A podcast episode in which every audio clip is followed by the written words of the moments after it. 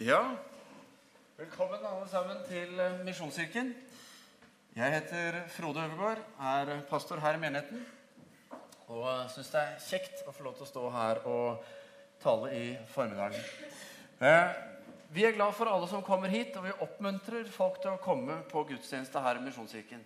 Og så sier vi til de som eh, av og til ikke har anledning til å komme, så sier vi gå gjerne inn på Internett.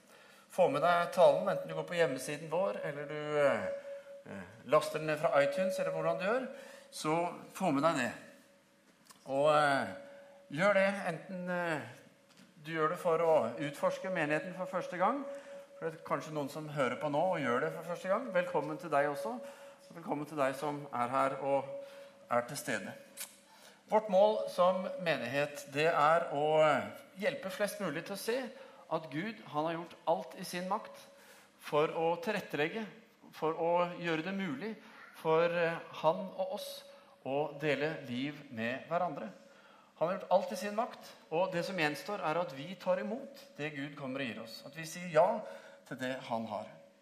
Og dette ja er noe som vi som voksne ofte sliter med å gi fordi eh, vi klarer liksom ikke å bare si ja, kom inn og opplev alt med en gang. liksom. Vi tar det litt sånn bit for bit. Eh, ikke programmet, men litt sånn lagvis innover. Eh, skulle tatt et bilde, da, så er det som om Jesus eh, står på døren vår og banker på, eller ringer på døra. Og så etter lang tid så slipper vi han inn. Så får han stå der etter yttergangen vår litt, før vi kanskje etter en stund slipper han inn i entreen. Og så har han vært der en stund, og så kanskje vi tar han inn i dagligstuen eller kjøkkenet. eller og så sånn gradvis innover. Men sjelden våger å slippe han helt inn vet, inn i boden eller soverommet, der hvor det er litt sånn ekstra rotete, og vi vil ikke at folk skal se hvordan vi har det. Vi er ikke helt stolt over det, osv. Mens barn, derimot Kom inn! Kjempekult! Hele veien. De bryr seg ikke om det er rotete eller hva det er. Kjempekjekt. Barn de slipper hele veien inn. Og Derfor har vi også da en prekenserie som vi har kalt 'Som et barn'. Fordi vi som voksne vi trenger å lære noe av barna. Vi trenger den der, å lære den evnen til å tro eh, tillitsfullt. Til å være litt sånn uforbeholdne i forhold til Gud. Bare akseptere at ok, det Gud har sagt, sånn er det. Og Jesus han setter ord på dette når han i Markus 10, som er på en måte nøkkelverset for denne serien, når han sier eh, sannelig, jeg sier dere den som ikke tar imot Guds rike som et lite barn, skal ikke komme inn i det. Altså går glipp av dette. For det er nemlig sånn at når vi tar troen inn i det voksne, inn i det rasjonelle og det logiske, hvor vi trenger å forstå, hvor vi trenger å kunne forklare dette som vi hører Og når vi ikke forstår og ikke klarer helt å forklare, så, ja, så vet vi ikke helt hvordan vi skal klare å forholde oss ordentlig til dette. Og så går vi glipp av mye av det Gud ønsker å gi oss. Vi får liksom ikke helt dette med Guds rike som en del av livet. Så I denne serien så skal vi se på noen av de egenskapene som Gud har. og Vi skal prøve å se på det fra et barns perspektiv. altså Hvordan ville barn eh, sette ord på disse tingene. Og I dag skal vi snakke om Guds allmakt og barnet som sier 'Min Gud, han kan gjøre hva som helst'. Og Vi skal begynne i, eh, i forløperen til julens budskap, i Lukas 1. Og jeg vil at du skal prøve å late som at du hører denne historien for første gang hvis du har hørt den før. Eh, og prøv gjerne å tenke at du er et barn. altså Legg fra deg litt sånn, bare la deg sånn, oi, la deg inspirere litt av denne settingen. Fordi Lukas forteller at eh, Maria får besøk av en engel, en Herrens engel. Altså Inn i rommet hvor Maria er, der kommer det en engel til henne. Og det er ikke bare en engel, men det er engelen Gabriel til og med som kommer inn der. Og Maria eh, hun lærer vi, hun var en tenåringsjente. Og så kommer en, da engelen Gabriel til henne og sier at eh, Maria, du skal bli mor. Og du skal bli, Det er ikke hvem som helst du skal bli mor til, men du skal bli mor til Guds egen sønn. Og Allerede nå så begynner det å bli vanskelig å forstå vanskelig å henge med. For det første er det en engel til stede, og vi vet ikke helt hvordan vi skal forholde oss til engler alltid. ikke sant? Og så er det dette med ja, Vi kan ta det etter hvert. Men hvordan ville du reagert hvis det kom en engel inn i rommet hvor du var? Antagelig så ville vi blitt litt redd, litt forskrekka. Oi, hva er dette? Så det er ikke uten grunn at når engler, engler kommer og møter mennesker i Bibelen, så er det stort sett alltid et 'frykt ikke', som her, eller 'vær ikke redd'. Ikke Dette er trygt og godt. Eh, og vi voksne, når vi hører om dette med engler og alt dette her, så tenker vi Fy da! Ikke sant? Sikkert bra, dette, og vi ja, ja, hyggelig. Men det er liksom vanskelig å på en måte ta dette helt inn. Men så et barn ikke sant? er bare sånn Kult! En engel! Å, hvis det kommer en engel til meg en dag, da skal jeg spørre om hvor fort de kan fly. Der er barna ikke sant? helt med med en gang. Men Maria hun tenker på dette. ok, Skal jeg plutselig være gravid nå og ha barn? Det går jo ikke an. Så hun sier jo da til englene men åssen skal dette kunne skje? Jeg mener, jeg har jo ikke vært sammen med noen mann, og det må jo til for å bli gravid. Ok, jeg er forlova med Josef. Ikke sant? Og ja, den ene gangen vi satt alene i baksetet på det eselet. Men det skjedde ingenting. Jeg kan love deg det. Vi kyssa ikke engang. Ikke sant? Hvordan skal dette skje? lurer Maria. Og engelen svarer, Den hellige ånd skal komme over deg, og den høyestes kraft skal overskygge deg. Og derfor skal barnet som blir født, være hellig og kalles Guds sønn. Og i vers 37, som på en måte er nøkkelverset for eh, det vi snakker om i dag, så forklarer engelen hvordan dette skal skje med å si for ingenting er umulig for Gud. Og Denne scenen som vi ser her, den ble profetert 700 år før dette skjedde. Altså, Om det er 2000 år siden det skjedde for vår del, så er det 2700 år siden det ble profetert at en ung kvinne, en ung pike, en jomfru, skulle bli med barn og skulle bære fram Guds egen sønn, Messias. Gud skulle gjøre noe som ikke noe menneske kunne gjøre. Det som var umulig for mennesker, det var mulig for Gud. Gud skulle bli menneske. Og ikke bare skulle Maria bli gravid, men Gud skulle være faren. Og Jesus skulle være barnet. Kult, ville et barn tenkt og sagt. I dag skal vi altså se på Guds allmakt, eller som barnet ville snakke om allmakt og si 'Min Gud kan gjøre hva som helst'. Men så er spørsmålet hvorfor er dette med Guds allmakt så viktig for oss? Hvorfor er det så viktig at vi tror at dette er sant? Vel, Jeg er ganske overbevist om at inni dette rommet her, eller der du sitter og hører, så eh, har vi alle et forhold til prøvelser, til utfordringer i livet. At vi alle er kjent med, eller er i en situasjon kanskje, hvor vi opplever noe er umulig. Som ikke vi kan hanskes med. Prøvelser som er for store for oss. Eh, ting som ikke vi vet hva vi skal gjøre med. Vi er rådville. Og så trenger vi egentlig hjelp fra en som er større enn oss. Vi trenger en kraft som er større enn vår egen. Vi trenger at Gud griper inn. En Gud som kan gjøre hva som helst. Og han fins det bare én av. Det er blitt sagt det at enten er du på vei ut av en prøvelse i livet, eller så står du midt i en, eller så er du snart på vei inn igjen. Ikke sant? Altså, si noe hyggelig i dag formiddag. ikke sant? Jo, men er det ikke litt sant, da? At det er sånn? Enten så rammer det oss direkte, eller så rammer det noen som står oss nær. Alltid et eller annet sted i forhold til en prøvelse. Bare se på bønnelisten din. Om ikke du har skrevet den ned, men går og husker den, så bare tenk på den. På de fleste bønnelister er jeg overbevist om at det finnes noen kategorier. Det ville vært et under hvis dette skjedde. Kanskje ber du for eh, noen venner av deg, et ektepar som eh, sliter med ekteskapet. Eller kanskje ber du for noen venner av deg hvor de har gått fra hverandre. og du ber om at de skal finne sammen igjen. Kanskje ber du for eh, han som er syk. Kanskje ber du for hun som trenger hjelp, men ikke våger å ta imot det, ikke våger å slippe noen innpå seg. Kanskje eh, ja, du kjenner situasjonene i ditt liv. Men jeg tror vi alle er fra tid til annen i en situasjon hvor vi trenger Guds allmakt, Guds kraft, Han som kan gjøre hva som helst. Så i dag skal vi prøve å se på noen støtter for troen vår. Hvordan vi kan eh, hjelpe oss selv til å tro nemlig på Guds allmakt. Vi skal se på tre ting eh, for hvordan barna ville sagt det. Tre støtter til å hjelpe oss i dette. Og Det første er hvis du står overfor noe som føles umulig, noe som du bare tenker dette klarer jeg ikke, dette kan jeg ikke, jeg vet ikke hva jeg skal gjøre, så skal du bare si enkelt Gud kan. Et barn ville sagt Min Gud kan. I Jeremia vers 32, nei, kapittel 32 så sier Jeremia Å, min Herre og Gud, Se, du har skapt himmelen og jorden med din store kraft og utstrakte arm. Ingenting er umulig for deg. Jeg husker en vinternatt i 91 når jeg står ute Og har en kamerat med meg. Klassekamerat. Det er vel siste året på videregående.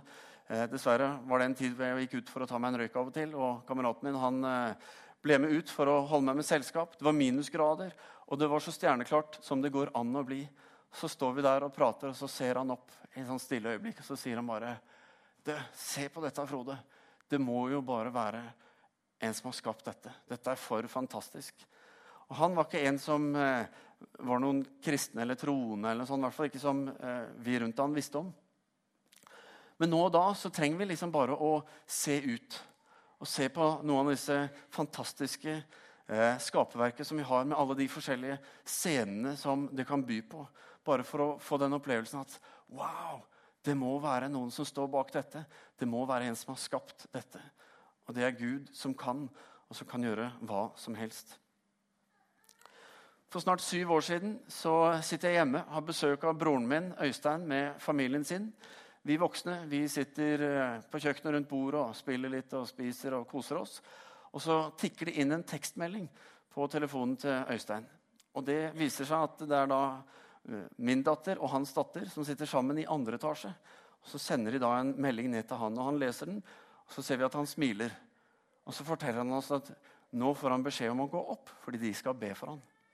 For du skjønner, Øystein han hadde flere intoleranser i matveien som gjorde at han hadde en vanskelig diett. Og Bare noen måneder før dette så hadde eh, de vært på leir, familien til Øystein. Og så hadde Karoline, som hun heter, da, ni år gammel, hun hadde samlet sine venner og så hadde de bedt for pappa, altså bedt for Øystein om at han skulle bli frisk, så han kunne spise grøt. Fordi de, hun hadde fått med seg at i dag var det grøt på menyen på denne leiren. Hun hadde fått med seg at uh, pappa han kunne ikke spise den grøten, for det tålte han ikke. Laktoseintoleranse. Så hun samlet sine venninner, og så ba de, og så opplevde hun at Gud sa til henne at du må ta med pappa bort til hoppeslottet som dere har på leiren. Og så skal han hoppe der, og når han gjør det, så skal han bli frisk. Vet ikke om du kjenner på noen innvendinger her? at uh, Nei, jeg vet ikke helt. Du kan jo bare tenke deg hvordan Øystein følte det når Karoline kom og fortalte dette. 'Pappa, når skal du hoppe i hoppeslottet?' Og så skal du bli frisk. Så, men han tenkte ok, det er jo ikke farlig å hoppe i et hoppeslott, så han ble med henne bort der. og Så gikk han inn, og så hoppet han litt sånn forsiktig og pent. vet du, Og hun, vet du Ikke snakk om Hopp skikkelig, pappa! Ikke sant? Vis at du virkelig hopper uti dette. Så han trår til og satser. Så merker han ingenting annet enn at Karoline er kjempefornøyd. Ikke sant? Bra hoppa, pappa. Nå kan du spise grøt. Ikke sant? Og eh, Øysteins dilemma var jo at han følte at han måtte spise denne grøten. ikke sant? Men så visste han jo det at dersom han spiste denne grøten, så ville jo resten av den helgen være ødelagt for hans del. Alle de oppgavene han hadde. For han ville ende opp som det tyskerne kaller dassokkupant, eller som vi kaller det toalettokkupant. Eh, og rett og slett ikke kunne være med og gjøre de tingene han skulle. Men han valgte å spise denne grøten i tro. Og ikke da og ikke siden har han slitt med laktoseintoleranse. Det er lov å si wow. Men så sitter vi da hjemme hos meg og denne tekstmeldingen. 'Pappa, du må komme opp, så skal vi be for deg.' Så kommer han opp, og så skal de be, og ikke bare ber de, men de skal slå han i hodet med Bibelen. Fordi min datter har nemlig vært på leir. Og der ba de. og så, Det er ikke snakk om å skade. altså. Det er snakk om bare å litt sånn bestemt og klart bare tappe Bibelen bort på hodet når man ber. Det gjorde de, og det funka på leir, og det skulle fungere nå. Så de ber for han, Bibelen på hodet, og så sier de nå må du gå og spise noe med sitrus i. For han tålte ikke sitrus. Og hvis du ser på ingrediensene på det du spiser, så er det sitrus i nesten det meste. Så han igjen utsettes da for denne å ta dette trosteget. Han spiser, og ikke da og ikke siden. Han hadde de samme innvendingene, fordi dagen etterpå skulle han stå på scenen og spille og være med i gudstjeneste, og ville ikke kunne gjøre det hvis han hadde spist. Men han ble også der helbredet. Og Poenget er jo at Øystein ville ikke utsatt seg selv for disse tingene. Altså Uten å ha ryddet på en måte og vite at nå skal jeg ikke noe på en uke eller på noen dager, så da kan jeg gjøre det. Men er det da et steg i tro? ikke sant? Og så er det noe med dette enkle barnet, barnets måte å tenke på, som forløser noe her, og som viser oss at det enkle er ofte det beste. Og at barns tro har en, ofte en større gjennomslagskraft. Nå vet jeg ikke åssen det er i livet ditt, hva du sliter med, hva som er vanskelig. Enten du sliter med ekteskapet, kanskje du sliter med helsen, med økonomien. Kanskje går du rundt med tunge tanker eller har et dårlig selvbilde.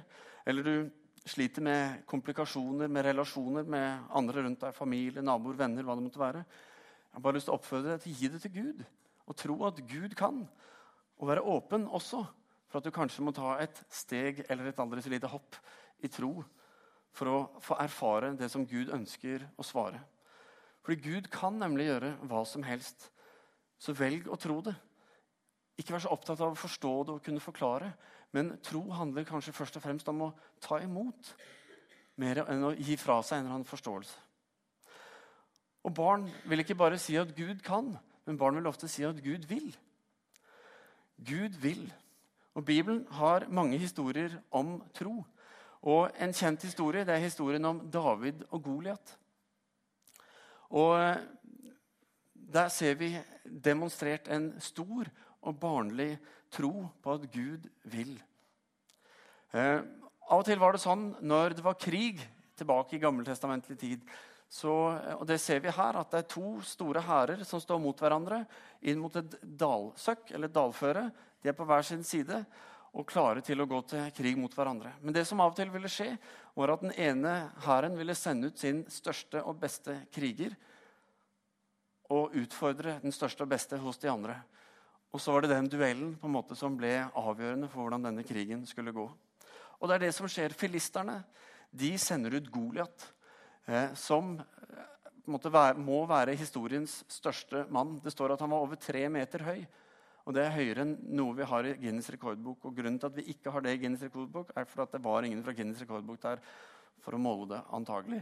Men i hvert fall denne mannen er gedigen, over tre meter høy. Og kong Saul sier om han om at han har vært en kriger hele livet sitt. Så det var ingen som turte å gå ut og møte denne mannen. De holdt seg unna. Men så er det sånn at en ung gutt ved navn David han er tilfeldigvis til stede i dalen her. Fordi han har syv eldre brødre, og tre av de eldste de er med som soldater på Israels side. Klare til å kjempe. Men også de tør ikke. Så er han der for å gi dem noe mat og forsyninger. Og sånn, og så hører han denne svære kjempen Goliat stå der og håne Israels hær, som er så feige som ikke tør å sende ut noen. Og så håner han Gud, som de tror på, og som ikke kan hjelpe dem selv i denne vanskelige situasjonen. Og så skjer det noe inni David som sier nei, dette kan vi ikke finne meg i. Dette ville Gud aldri finne seg i. Så han klarer å overtale kong Saul til å la han få lov til å gå ut og stride mot denne kjempen. Og etter med list og overtalelseskunst og alt det der, så tenker ok, det er jo ingen andre som vil. Saul vil heller ikke, ennå han var en ganske svær og sterk, mektig kriger. Men han sier, ta nå i hvert fall rustningen min, da, David. Og så tar han liksom på disse svære og det beste av rustningen som var på denne lille gutten. Og Han står der og kjenner på denne voksne beskyttelsen ikke sant? og kjenner at nei, dette er bare til hinder. Så han hiver det av seg. Og så tenker han nei, det er Gud som skal hjelpe meg, ikke denne rustningen. Så går han ut og så går han ned i bekken og så finner han, står det noen steiner som han tar. Fordi våpenet hans det er en slynge. Når han legger steinen inni, så står han og svinger, og så kaster han den av gårde. Sånn var det han skulle møte denne kjempen Goliat. Og så sier David i vers 45 i, i andre Samuelsbok her, så sier han du, første Samuelsbok, unnskyld, du kommer mot meg med sverd, spyd og sabel. Men jeg kommer mot deg i navnet til Herren over hærskarene, Han som er Gud over Israels hær, han som du har håndt. I dag vil Herren gi deg i min hånd. Og med den første steinen så får han inn en fulltreffer som sender Goliat rett i bakken, så han kan gå bort og avslutte. Og det ble seier. Enkelt og greit, fort og gæli. Gud kan, og Gud vil. Selv når alle oddsene er mot oss, når vi har ingenting å fare med, så kan Gud gjøre hva som helst. Problemet for mange av oss, og særlig for oss som har kanskje vokst opp med en kristen tro, det er at vi tror at Gud kan, men vi er ikke så overbevist om at Gud vil. Vi tror at Gud kan hjelpe andre, men vi, ikke, vi, våger ikke å tro at han vil hjelpe meg. Fordi meg er det noe gærent med. Jeg er ikke verdig, jeg er ikke god nok, jeg er ikke flink nok. Ikke sant? Jeg burde dit, jeg burde datt, fordi jeg har jo tross alt vært kristen hele livet mitt. Og så videre, og så. Og så tror vi at Gud kan, men vi klarer ikke å, å, ta det inn i vårt eget liv. Eller vi ser og hører om at Gud gjør store ting i andres liv eller andre steder, men vi klarer ikke å ta det imot her hvor vi er. Jeg har bare lyst til å oppmuntre deg og utfordre deg til å våge å tro som et barn. Ikke bare tro at Gud kan, men at han også vil, og at han vil komme deg i møte. Jeg har fortalt eh, denne historien før, så jeg skal ta den litt kort. Men når vi flyttet hit for 9 15 år siden, så var vi på husjakt. Og Vi begynte i mars å lete etter hus. Eh, og når vi flyttet hit fysisk 1.8, så hadde vi ennå ikke funnet noe. Og vi hadde, De to eldste skulle begynne på skole, så var avhengig av å vite ok, hvor skal første skoledag være. Det er jo i hvert fall kjekt å vite. Så eh, vi ba, men jeg hadde hele tiden hatt en sånn tro på at dette skulle ordne seg, at Gud ville hjelpe oss med dette. Eh, men når jeg slutta å telle måneder og uker, men nå telte dager til skolestart, så kjente jeg at eh, det vokste en litt sånn usikkerhet inn i meg. Men lang historie kort. Torsdag så får vi altså aksept for budet som vi har lagt inn. Torsdag klokken fire på ettermiddagen. Fredag formiddag så går jeg med mine to eldste barn. og Så skrives de inn på skolen, og mandag morgen er første skoledag. Tightere enn det kunne det ikke blitt. Men Gud vil, selv om vi av og til må vente. Og kanskje har du ventet lenge. Kanskje har du ventet så lenge at du har på en måte gitt opp. Usikkerheten er blitt så stor at uh, du har bare tenkt at Gud vil ikke. Og så har du tenkt gjennom det mange ganger, og du har gode, rasjonelle tanker og argumenter for at uh, Gud vil faktisk ikke dette. Men jeg vil allikevel oppmuntre deg og utfordre deg til å si at jo, Gud vil. At Gud kan komme inn og endre den situasjonen som du opplever håpløs og vanskelig. At Gud kan eh, gjøre hva som helst. Og Så sitter vi da også med det vanskelige spørsmålet. Når Gud kan, og når Gud vil, men når han ikke gjør noe, hva gjør vi da? Eh, når du har tro som et barn, og du på en gjør alt riktig Når du kan, og du har sett Gud gjøre større ting enn du har bedt om før, og du bare er sikker på at dette må være Guds plan, dette som jeg står i nå, dette må Gud gjøre sånn. Jeg kan ikke forstå det på noen annen måte. Når du bare er overbevist om at du ber riktig og har alt på din side, og at hvis Gud bare gjorde dette, så ville jo alt bli så mye bedre. Alt ville ordne seg. Men så skjer det ikke noe. Hva gjør vi da? Jeg tror mange har opplevd det på en eller annen måte. Enten du har sittet ved sykesengen til en som står deg nær, og sett livet ebbe ut altfor tidlig. Eller kanskje barna dine har tatt valg som du ikke har likt, og som har skapt vanskeligheter for dem. Ennå du har gjort alt riktig, føler du som foreldre, og andre vil se på det og si men vi skjønner ikke hvorfor dette skjer. Og heller ikke Gud vil høre, heller ikke Gud vil gripe inn og gjøre noe med det. Vel, Å tro som et lite barn det tror jeg handler om å velge å tro at Gud har kontroll. Selv om vi ser at Gud tilsynelatende ikke gjør noe. Hvis vi går tilbake til Maria og denne scenen der vi begynte, så skal vi igjen sette oss inn i Marias situasjon. Ok, Gud har sendt ikke bare en engel, men han har sendt engelen Gabriel. Og det er Guds budskap som engelen kommer med. Og dette er svære greier. Mor til Guds egen sønn. Utvilsomt en vanskelig situasjon for Maria. Men hun sier, 'La det gå med meg som du har sagt. La det bli sånn. Og når hun sa det, så satte hun seg selv i en utrolig vanskelig situasjon. For hun var tenåringsjente. Og en tenåringsjente i Israel, i jødisk kultur på den tiden, ja, da var du jomfru. Sånn var det bare. Og hvis du ble gravid før du giftet deg, ja, da kunne du regne med at mange så skjevt med deg, og du ville bli utstøtt av de fleste i det samfunnet du var en del av. Men bare se deg, tenk deg å gå bort til forloveden din da, og fortelle at du, Josef, nå er jeg gravid. Han liksom bare 'Hvem er det?' Sant? 'Er Samuel?' Jeg ser åssen han har fulgt med på deg. ikke sant? Eller Josfa. Hvem er det som har gjort dette? Nei, du skjønner, det er en gud. Ikke sant? Det var en engel som fortalte dette. Og du har en historie som du føler kanskje er litt tynn og vanskelig å forklare. Men det var noe sånn det en gang var. Og så tenker vi med våre menneskelige evner og gaver som vi har, at Gud burde jo kunne gjort dette mye enklere. ordna dette på en måte som ting liksom la seg til rette sånn det skulle være. Men tenk, da. Nå er det sånn, Og så sier du ja. Du har sagt ja til å oppdra Guds egen sønn. Så har det gått noen år, han er voksen, og så ser du at han blir arrestert. Han blir tatt til fange. Og så blir han dømt, og så blir han mishandlet og torturert, pisket og slått til det nærmest ugjenkjennelige. Og så står du og ser på alt dette. At han må bære korset helt ut til denne Golgata-klippen. At han må eh, lide mer enn noe annet menneske har lidd før. I hvert fall som du har sett, og som du kan forstå. Og så ser du at han blir spikret fast til dette korset, hvor han til slutt dør. Jeg er overbevist om at hele veien så hadde Maria en ståltro på at Gud ville endre på dette. At han ville berge Jesus gjennom dette. At hun med hvert fiber, som enhver mor eller far for den saks skyld ville gjort, gikk inn i seg og kanskje ropte høyt ut Gud, du må stoppe dette! Ikke la dette skje! Vet du hva?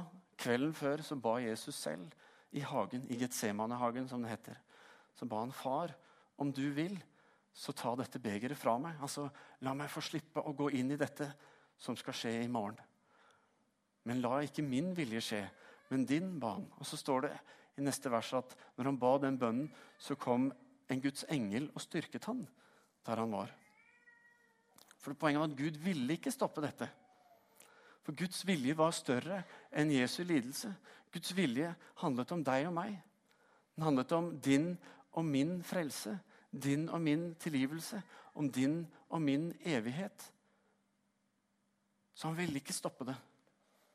Og Det er mange ganger hvor vi bare ikke forstår hvorfor gale ting skjer, hvorfor Gud ikke griper inn. Og så har vi så lett for å tenke at eh, Gud er jo egentlig den som står bak alt dette. Så Gud har egentlig litt skylda for dette. Og Han burde se det jeg ser, og gripe inn og gjøre noe med dette. Men når vi begynner å tenke sånn, så bommer vi på det som er troens mål. For troens mål er ikke at vi skal hjelpe Gud med å forstå ting fra vårt perspektiv. Men troens mål det er at vi tillitsfullt og med alt vi har, så enkelt vi kan, tror på Gud at vår holdning, selv om ikke vi kan forstå, at vårt valg, selv om ikke vi kan forklare, det er 'jeg vil tro på Gud'. Fordi Gud kan gjøre hva som helst. Han er en som heier på meg, han er en som tilgir meg. Han er en som alltid er til stede. Og at når vi velger å tro, så forløses Guds fred inn i våre liv og våre omstendigheter. Et vers som jeg har brukt flere ganger i år, i talene er eh, noe Jesus sier i Johannes 16, vers 33, hvor det står Dette har jeg sagt dere for at dere skal ha fred i meg. For dere skjønner det at i verden så har dere trengsler. Men vær frimodige. Jeg har seiret over verden. Å komme til Gud i tro, enten din tro er så liten at du ikke skjønner at den kan være der, eller den er så stor at du føler du er i ferd med å sprekke Uansett, det å komme til Gud med den troen du har, er noe som forløser Guds rike inn i din hverdag, inn i ditt liv, inn i dine omstendigheter. Tro er et valg. Det er ikke en dyktighet eller ferdighet, noe som du bare 'Dette mestrer jeg.' Men det er noe du velger å gjøre. Så en siste scene før vi avslutter går vi til Daniels bok i Det gamle testamentet. Så treffer vi tre venner av Daniel med de gode, enkle navnene å huske. Shadrach, Meshach og Abednego. De blir arrestert fordi de nekter å bøye kne.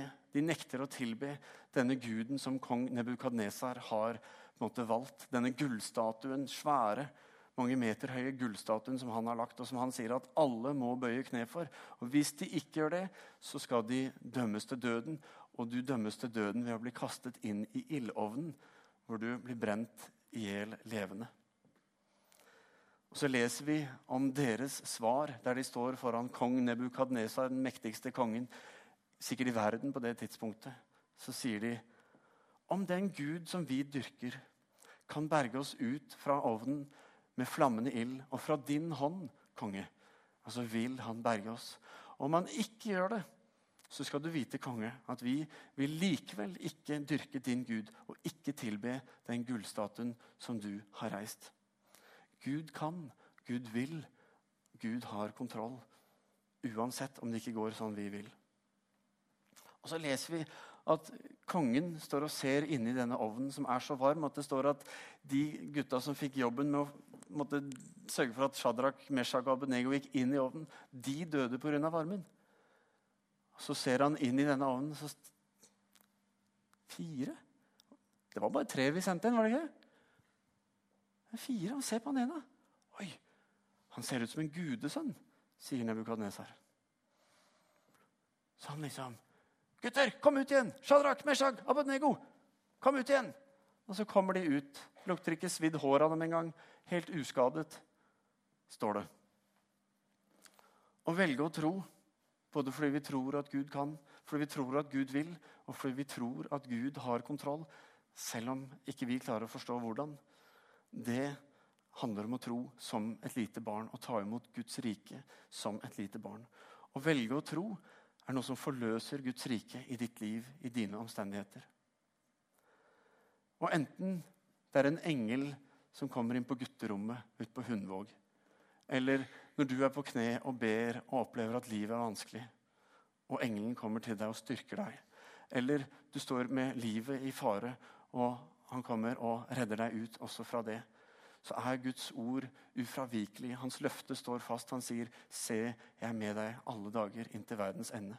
Om du bare vil tro på meg, så vil jeg være der. Og jeg ønsker å gi deg alt dette som mitt, rike, som mitt rike handler om. Hvor ikke begrensningene, hvor ikke disse jordiske rammene, det som gjør at vi opplever mye galt og mye fælt, at det er det som holder oss. Men jeg ønsker å gi deg noe mer, noe større. Og så er vår utfordring å ta det imot og våge å tro at dette er sant, at dette er mulig. Og Gjør vi det, så er jeg overbevist om at det vil forvandle situasjonen du står i, og forvandle livet ditt, skal vi be. Kjære himmelske Far. Takk for at eh, du er allmektig. Takk for at ingenting er umulig for deg, Herre. At uansett hvilken situasjon vi står i, uansett hvor vanskelig det er, enten døden ser oss i hvitøyet, eller vi eh, står overfor en annen situasjon økonomisk, kanskje, hvor vi ikke ser hvordan endene skal møtes. Eller vi har en relasjon som er blitt så vanskelig at vi orker ikke mer.